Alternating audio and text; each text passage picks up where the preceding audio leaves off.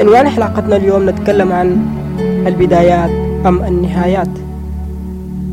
الاختلاف في هذا النصوص يعود إلى أننا دائما ما نرى الأشياء طبقا لما يحدث معنا.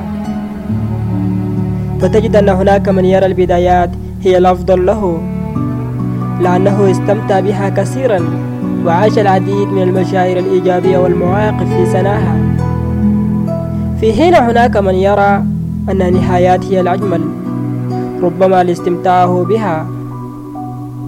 أو لأن بداياته لم تكن جيدة. هنا نسوق تساؤلاتنا عن كيفية الحكم على العلاقات.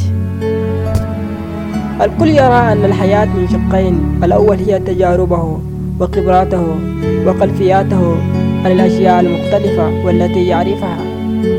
والثاني من خلال اختياراته لما يريده في الحياة. والتي هي غالبا ما تتشكل من الشق الأول لكن ليس دائما.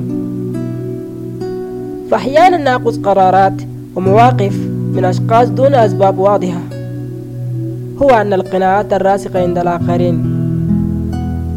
لا ينبغي أن تصير قواعدا لنا في حياتنا والأكثر أهمية أن نصنع نحن قراراتنا أن نصنع نحن تجاربنا في الحياة. ولا نعتمد على منهجية أشخاص أو تجارب سابقة. كل شيء له جوانب الإيجابية والسلبية. قد تحب إحدى الجوانب لأنه الأقرب إليك. سواء لأنك أحببته إيجابيا أكثر أو لأن سلبياته لم تؤثر عليك. مثل البقية. وبالجمع بين الاثنين وكأنها عملية رياضية سوف نكتشف أن الناتج النهائي هو أننا نفضل مرحلة على أخرى. بجمع ما لدينا من أثر كل من الإيجابيات والسلبيات. ما دمنا لم نصدر أحكاما مطلقا ولم نقل بأن البدايات هي الأفضل قطعا من النهايات أو العكس. فأننا بذلك نمنح لأنفسنا فرصة لأن نعيش حياة حقيقية حياة قائمة على التجربة الشخصية ومحاولة الاستمتاع به بكل ما يحدث معنا دون أن نسير على منهجية وضعها شخص أو أشخاص آخرين طبقا لتجاربهم.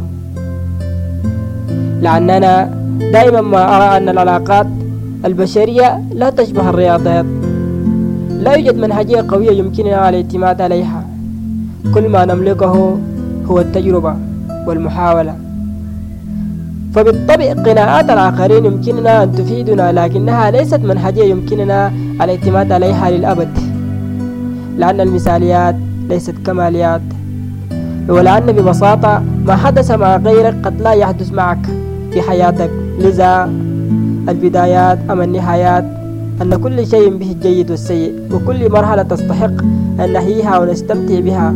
فلماذا لا نفعل ذلك دون أن نلقي بالا لأي شيء آخر؟ وأخيرا أنصحكم بالتجارب فالمثاليات ليست كماليات ولا يمكننا الاعتماد عليه.